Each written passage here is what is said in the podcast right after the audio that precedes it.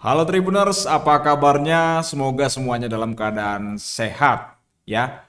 Program Tribun Health Tribun Jabar edisi Rabu 13 Juli 2022 kembali hadir untuk menyapa dan memberikan informasi terbaru seputar dunia kesehatan.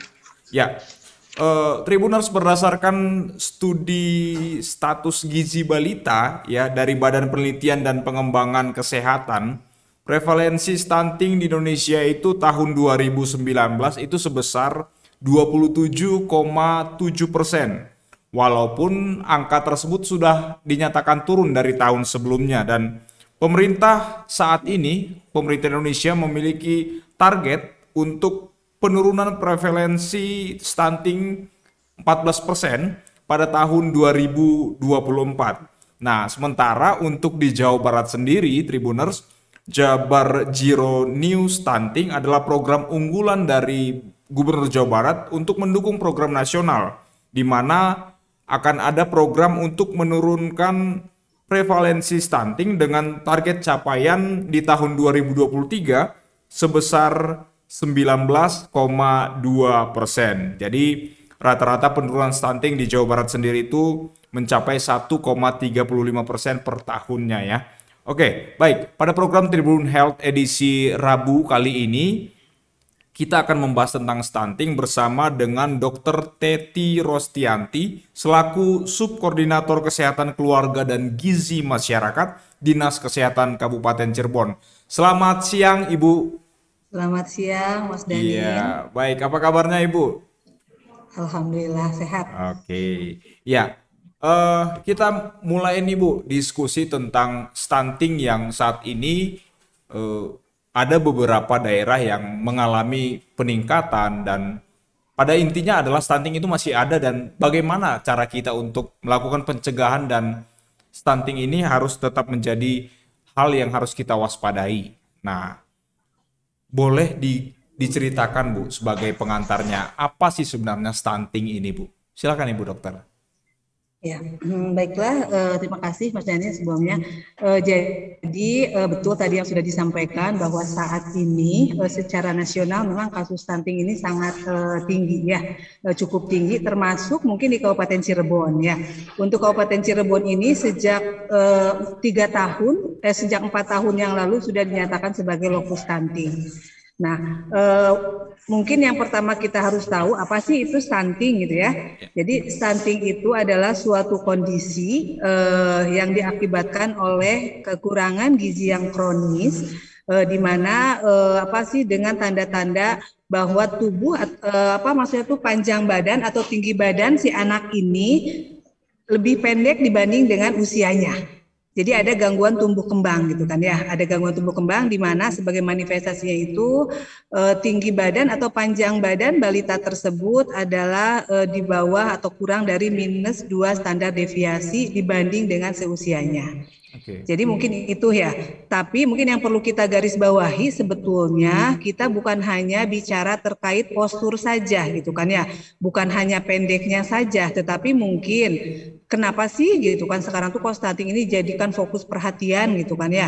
Nah, ini karena dampak yang ditimbulkan pada uh, apa uh, yang terjadi pada balita-balita dengan stunting. Jadi nanti ada jangka pendeknya, mungkin dampaknya itu ya uh, angka kesakitan atau kematian itu uh, meningkat. Artinya kondisi-kondisi balita-balita dengan uh, stunting ini akan lebih rentan tentunya ya terhadap penyakit-penyakit uh, ya.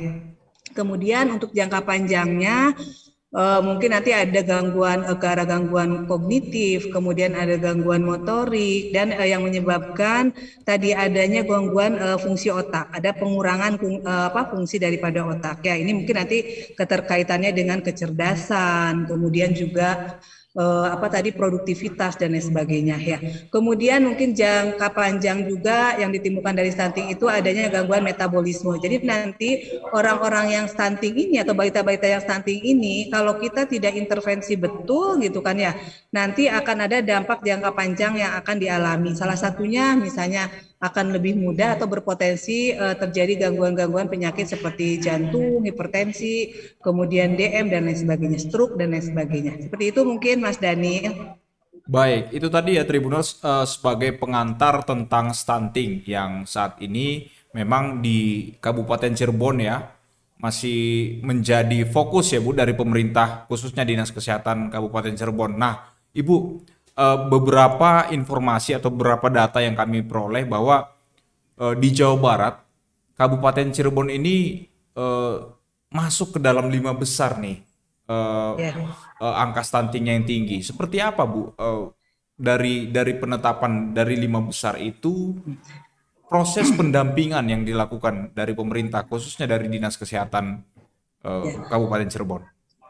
Ya, jadi tadi betul ya bahwa Kabupaten Cirebon ini e, menjadi salah satu kabupaten kota yang prevalensi stuntingnya masih cukup tinggi ya. Malah tadi katanya masuk ke lima besar ya. ya. Nah itu e, jadi uh, untuk penetapan uh, stunting ini sebetulnya ada dua, ada dua metode. Ya, yang pertama adalah berdasarkan hasil survei. Berdasarkan hasil survei, memang untuk Kabupaten Cirebon ini namanya ada survei SSGI, Survei Status Gizi uh, Indonesia ya.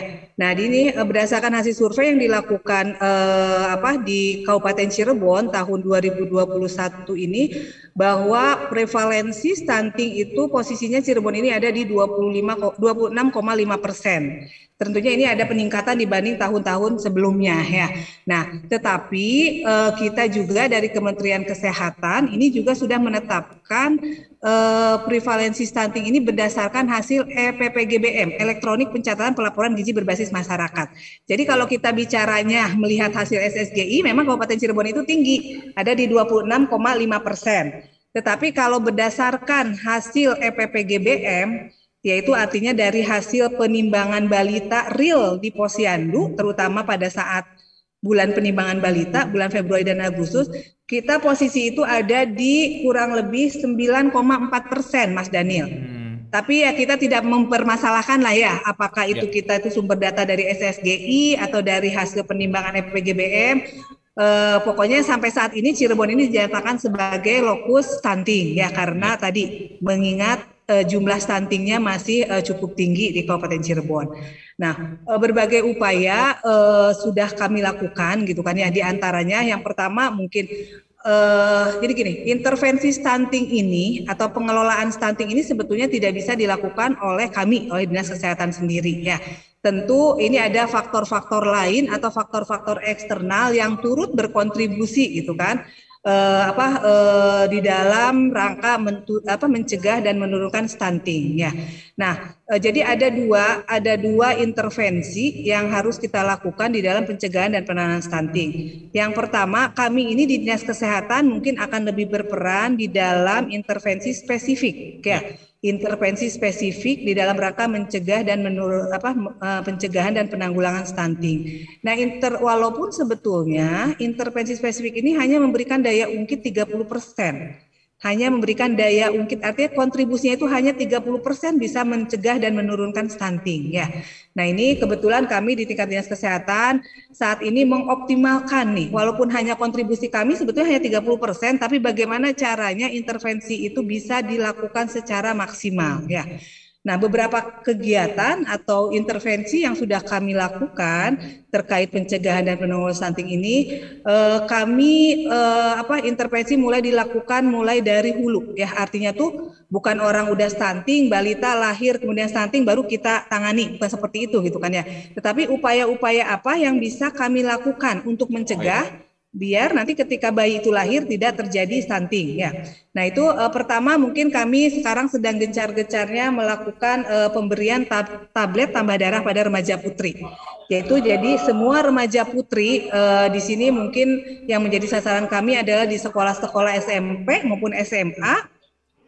Nah ini diberi tablet tambah darah ya, tablet tambah darah dan alhamdulillah kebetulan karena Cirebon ini sebagai lokus stunting untuk distribusi tablet FE atau tablet tambah darah ini full, artinya dipenuhi oleh pemerintah ya. ya. Jadi dari pusat, dari pusat itu kita sudah ada distribusi sesuai dengan jumlah sasaran remaja putri ya. Itu. Jadi pemberian tablet tambah darah pada remaja putri Kemudian tujuannya apa? Artinya untuk mempersiapkan ketika remaja-remaja putri ini nanti menikah misalnya ya, menikah dan tentunya mungkin nanti dia akan hamil. Nah, pada eh, nah ini salah satu upaya untuk mencegah gitu kan biar pada saat hamil nanti bayi-bayi yang dilahirkannya itu tentunya sesuai harapan kita melahirkan bayi-bayi yang sehat.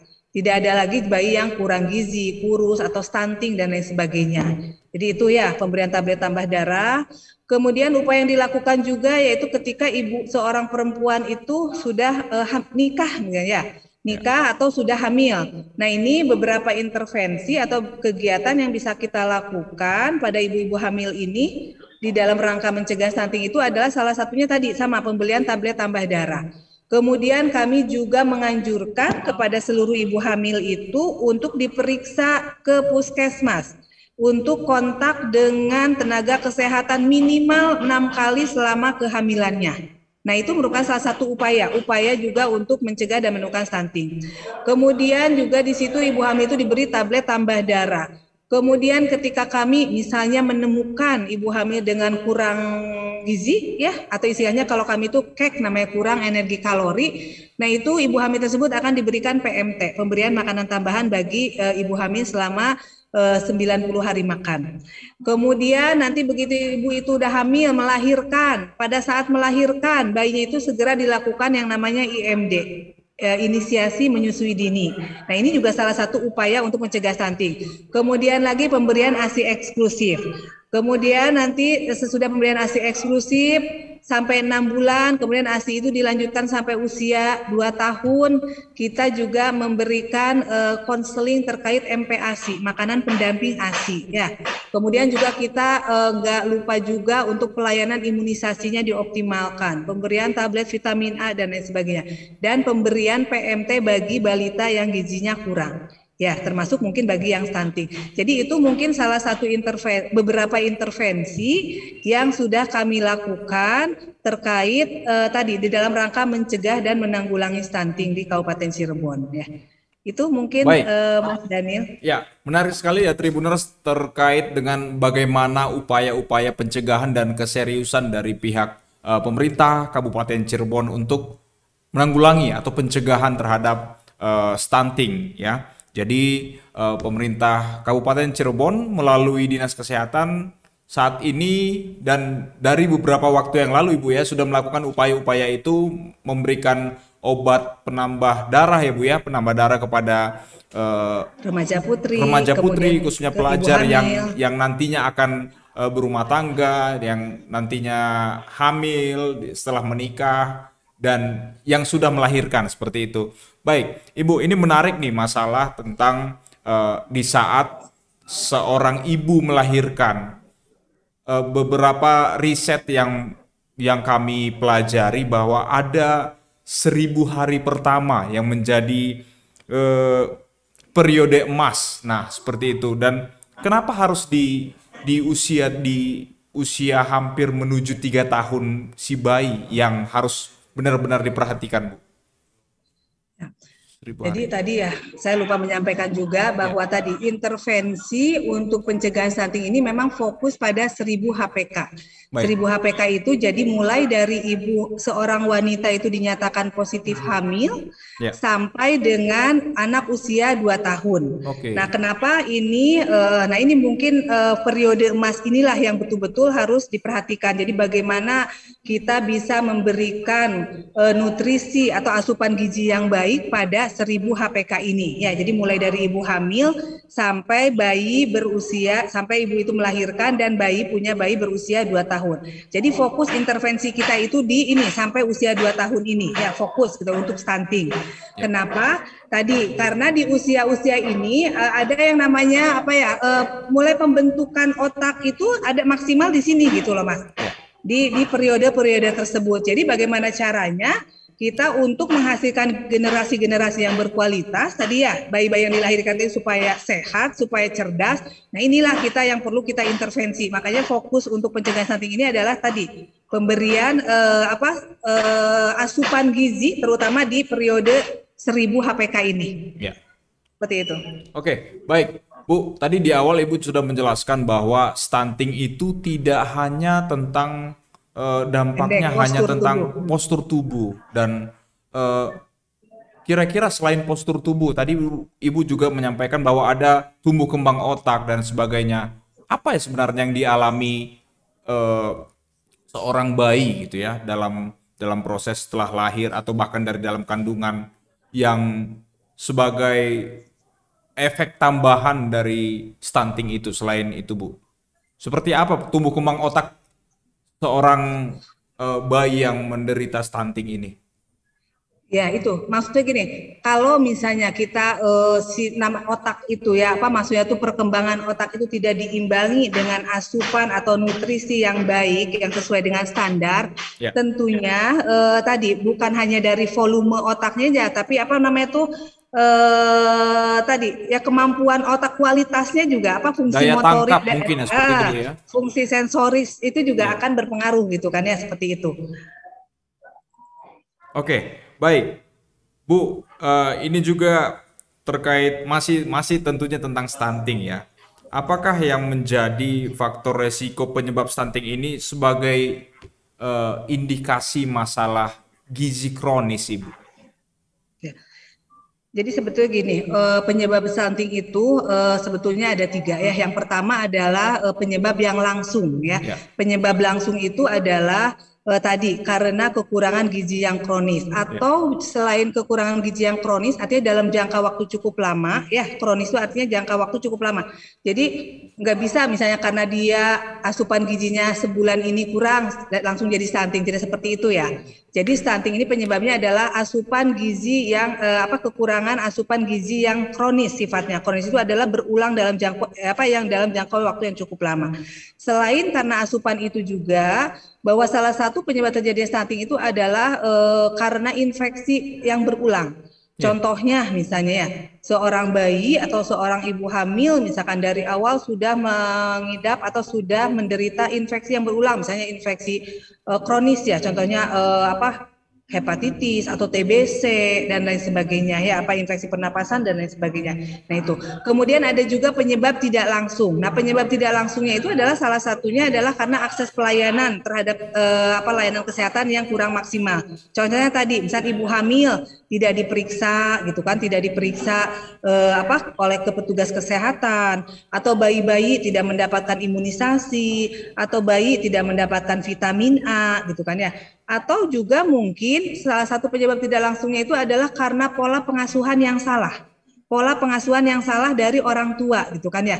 Kita saat ini terutama di Kabupaten Cirebon ini ya Mas Daniel ya banyak ibu-ibu yang bekerja ke luar negeri gitu kan ya ke Arab gitu kan begitu ngelahirin brojol melahirkan udah seminggu dua minggu dia pergi ke Arab misalnya seperti itu ya. Nah di sini kan eh, apa eh, tadi udah nggak diberi asi eksklusifnya sudah enggak, kemudian juga tadi makanan apa diserahkan kepada neneknya atau keluarganya, nah seperti itu ya.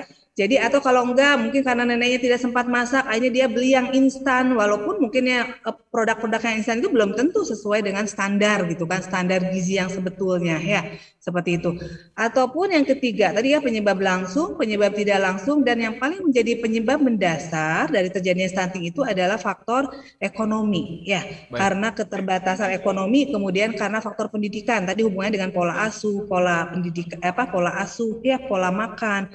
Kemudian yang ter, yang yang sangat penting juga adalah terkait kesehatan lingkungan atau sanitasi ketersediaan air bersih dan sanitasi yang layak. Mungkin itu apa istilahnya penyebab daripada stunting. Jadi jangan kita jangan berpikiran kalau stunting itu penyebabnya karena asupan gizi saja. Ternyata banyak gitu kan faktor-faktor lain yang mendukung terjadinya eh, apa stunting. Itu mungkin Mas Daniel. Baik, ini menarik Tribuners bahwa banyak faktor-faktor yang sebagai penyebab stunting. Salah satunya mungkin eh, pengalaman dari seorang ibu ya, pengalaman dan faktor ekonomi dan Ya, Pola dari faktor ekonomi ini juga Bu ya berkembang karena kita uh, orang tuanya tadi yang harus setelah melahirkan harus mencari nafkah di uh, negeri tetangga dan sebagainya. Nah, uh, ini menarik Ibu, masalah stunting. Tadi orang-orang pada umumnya mengenal stunting itu adalah lebih ke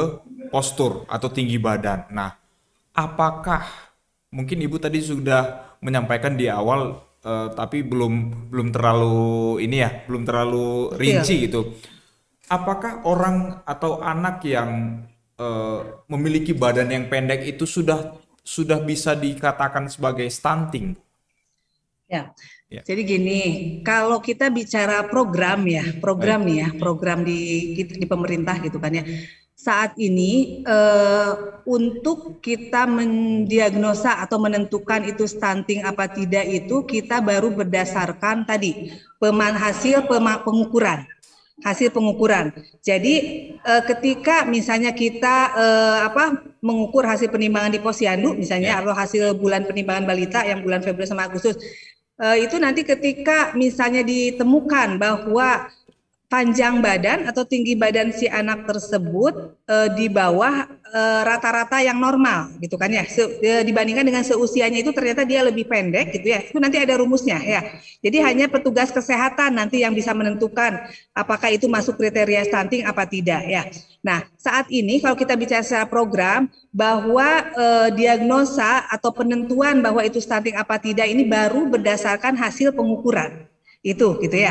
Nah ini karena apa gitu kan? Karena kita ini bercerita ke arah pencegahan. Jadi titik berat kita adalah ke arah preventif. Jadi artinya Baik. untuk mencegah gitu loh Mas ya. ya. Padahal kalau arti sebenarnya stunting itu tadi gitu loh. Selain adanya uh, postur tubuh yang pendek, nanti mungkin jangka panjangnya dia akan berakibat apa? Dampaknya itu mungkin yang harus kita pikirkan gitu ya. Makanya sekarang kenapa sih gencar banget tentang stunting padahal kan cuma pendek doang gitu kan ya, ya. jadi sebetulnya bukan hanya itu gitu kan. Hmm. bukan hanya pendeknya tetapi nanti dampak yang kemungkinan akan ditimbulkan di masa yang akan datang baik itu jangka pendeknya maupun dampak jangka panjang ya. Tadi kalau jangka pendek misalnya ada gangguan perkembangan otak, fungsi kognitif akan berkurang, kemudian kecerdasan juga mungkin akan berkurang. Kalau anak udah nggak cerdas gitu kan, bagaimana nanti untuk pada saat dia eh, apa tadi ya artinya tuh betul-betul memang merugikan kan ya gitu kan. Kalau udah nggak cerdas, produktivitas juga mungkin nggak akan maksimal gitu ya. Ini akan merugikan eh, negara kalau secara kita hitung finansial ya seperti itu.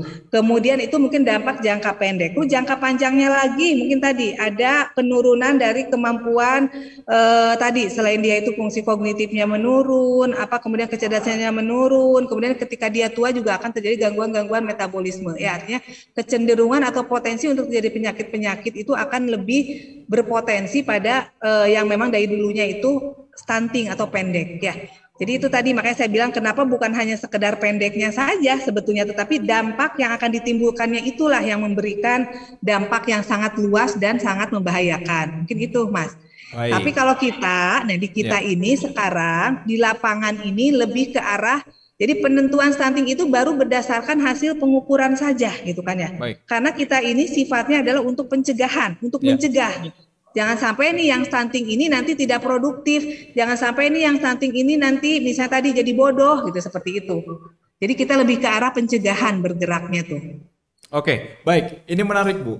Uh, dengan upaya-upaya pencegahan yang sudah dilakukan khususnya dari pemerintah Kabupaten Cirebon ya, terkhususnya lagi dari dinas kesehatannya, uh, apakah kalau setelah didiagnosis nih Bu, didiagnosa ya, dari yang yang bisa dilihat saja kasat mata ya. dari tinggi badan. Nah, apakah dari pihak medis bisa untuk melakukan pencegahan? Oke, dia didiagnosis dengan tinggi badan yang kurang. Kita kita antisipasi nih dengan pertumbuhan otaknya itu apakah masih bisa dikoreksi atau uh, diperbaiki, Bu? Nah, jadi gini ya, kalau tadi saya sudah mengatakan di depan, kalau stunting ini beda dengan gizi kurang atau gizi buruk ya. Kalau kayak gizi kurang nih, misalnya berat badannya kurang ya kurus gitu ya kurus dia dikasih makan tinggi protein atau kasih asupan gizi yang baik mungkin dia dalam berapa bulan akan kelihatan tuh kenaikan berat badannya ya, ya.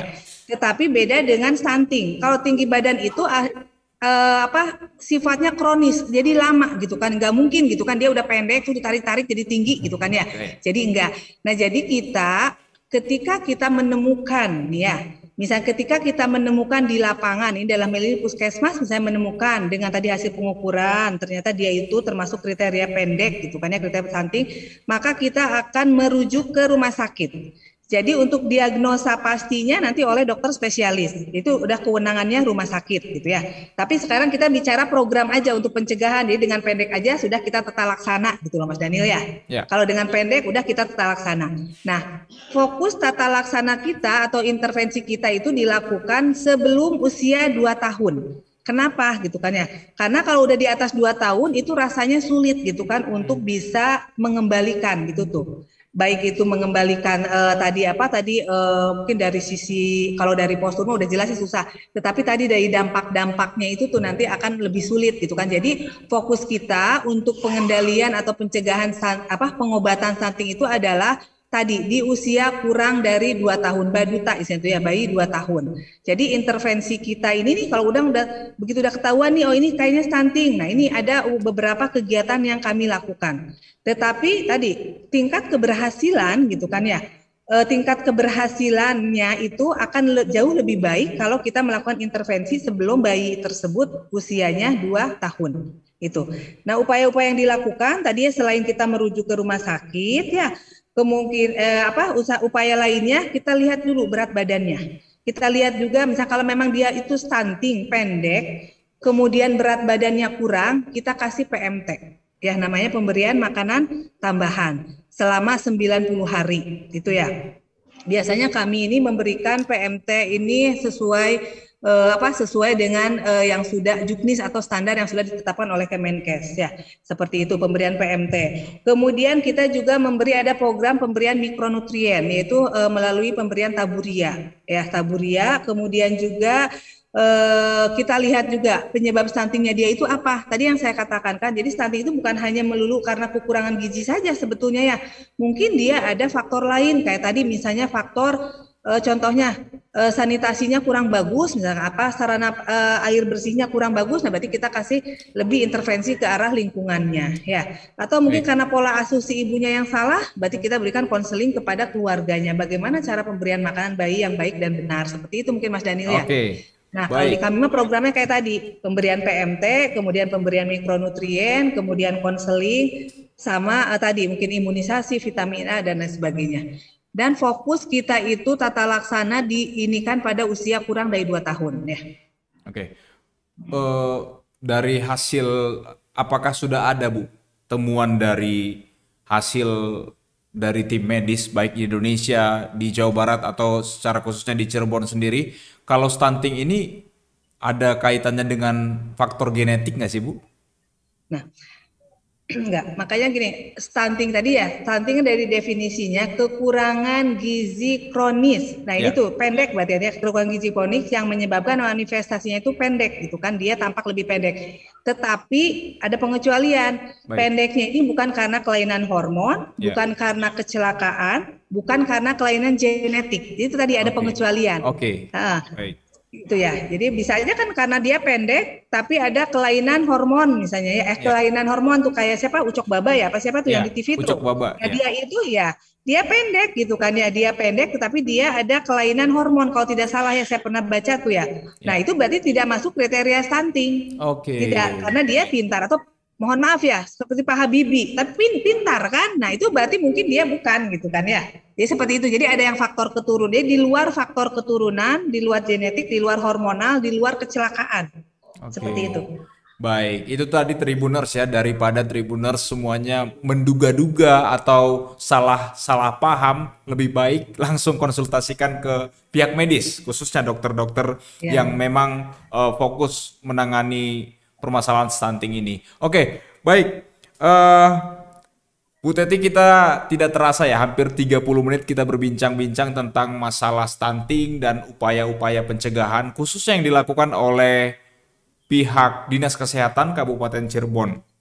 Bu, sebagai penutup, boleh dong Ibu memberikan pesan-pesan kepada ibu-ibu atau yang perempuan, perempuan yang akan menikah dan melahirkan atau pelajar-pelajar yang saat ini dan khususnya yang sedang mengandung dan yang sudah memiliki balita. Pesan-pesan ya. untuk pencegahan. Silakan Ibu. Pesan untuk pencegahan bagi remaja putri dulu ya terutama ya. Ya. Ayo eh, adik-adik remaja putri kita tingkatkan untuk konsumsi tablet FE. Jangan takut apa rasanya tidak enak, jangan takut mual. Pokoknya F, tablet EV ini banyak sekali manfaatnya. Ya, salah satu untuk mencegah stunting. Kemudian pesan bagi calon-calon pengantin, gitu ya, calon-calon pengantin, kemudian ibu-ibu yang sudah hamil, tadi lakukan pemeriksaan rutin kepada tenaga kesehatan minimal enam kali. Jadi kontak dengan tenaga kesehatan minimal enam kali selama kehamilannya, ya agar bayi-bayi yang dilahirkan oleh ibu-ibu ini nanti akan menjadi bayi-bayi yang sehat ya dan tidak stunting tentunya ya. Kemudian Mas Daniel, kita Kabupaten Cirebon punya jargonnya terkait Baik, stunting. Silakan Ibu. Uh, ini ya, ini waktu dua tahun yang lalu pada saat kita ada penggalangan komitmen ya. Waktu itu uh, Bapak PLT Bupati kita juga mengeluarkan yel yel gitu ya terkait stunting ya. ini. Ini, ayo ting ting pakai anting anting. Cakep. Uh, uh, ayo kita cegah stunting. Hey. Seperti itu. ya, ada lagi nggak bu? Apa ya, sudah itu aja. Oke. okay.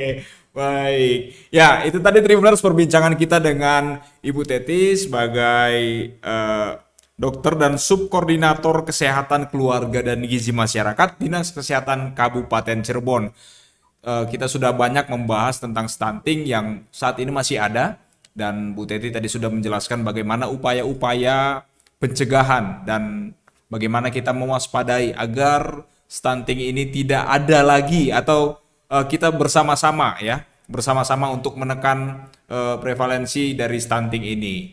Oke, okay, terima zero kasih. stunting mungkin Mas. New zero stunting. New zero, zero stunting. stunting. Iya, baik. Tidak kita harus mendukung. Yang baru, mungkin, ya. ya, saling mendukung Bu ya antara pemerintah dan masyarakat sendiri. Terima kasih Bu atas waktunya dan ilmunya dan pengalaman yang sudah diberikan kepada uh, kami khususnya pemirsa Tribun Jabar yang menyaksikan tayangan Tribun Health edisi eh, edisi Rabu 13 Juli 2022. Tetap semangat dan tetap sehat Ibu dalam melaksanakan tugasnya. Terima kasih Mas Manggas. Oke, demikian Tribuners acara Tribun Health edisi Rabu 13 Juli 2022. Tetap semangat dan tetap patuhi protokol kesehatan. Saya Daniel Andrianda Manik, sampai jumpa pada program selanjutnya.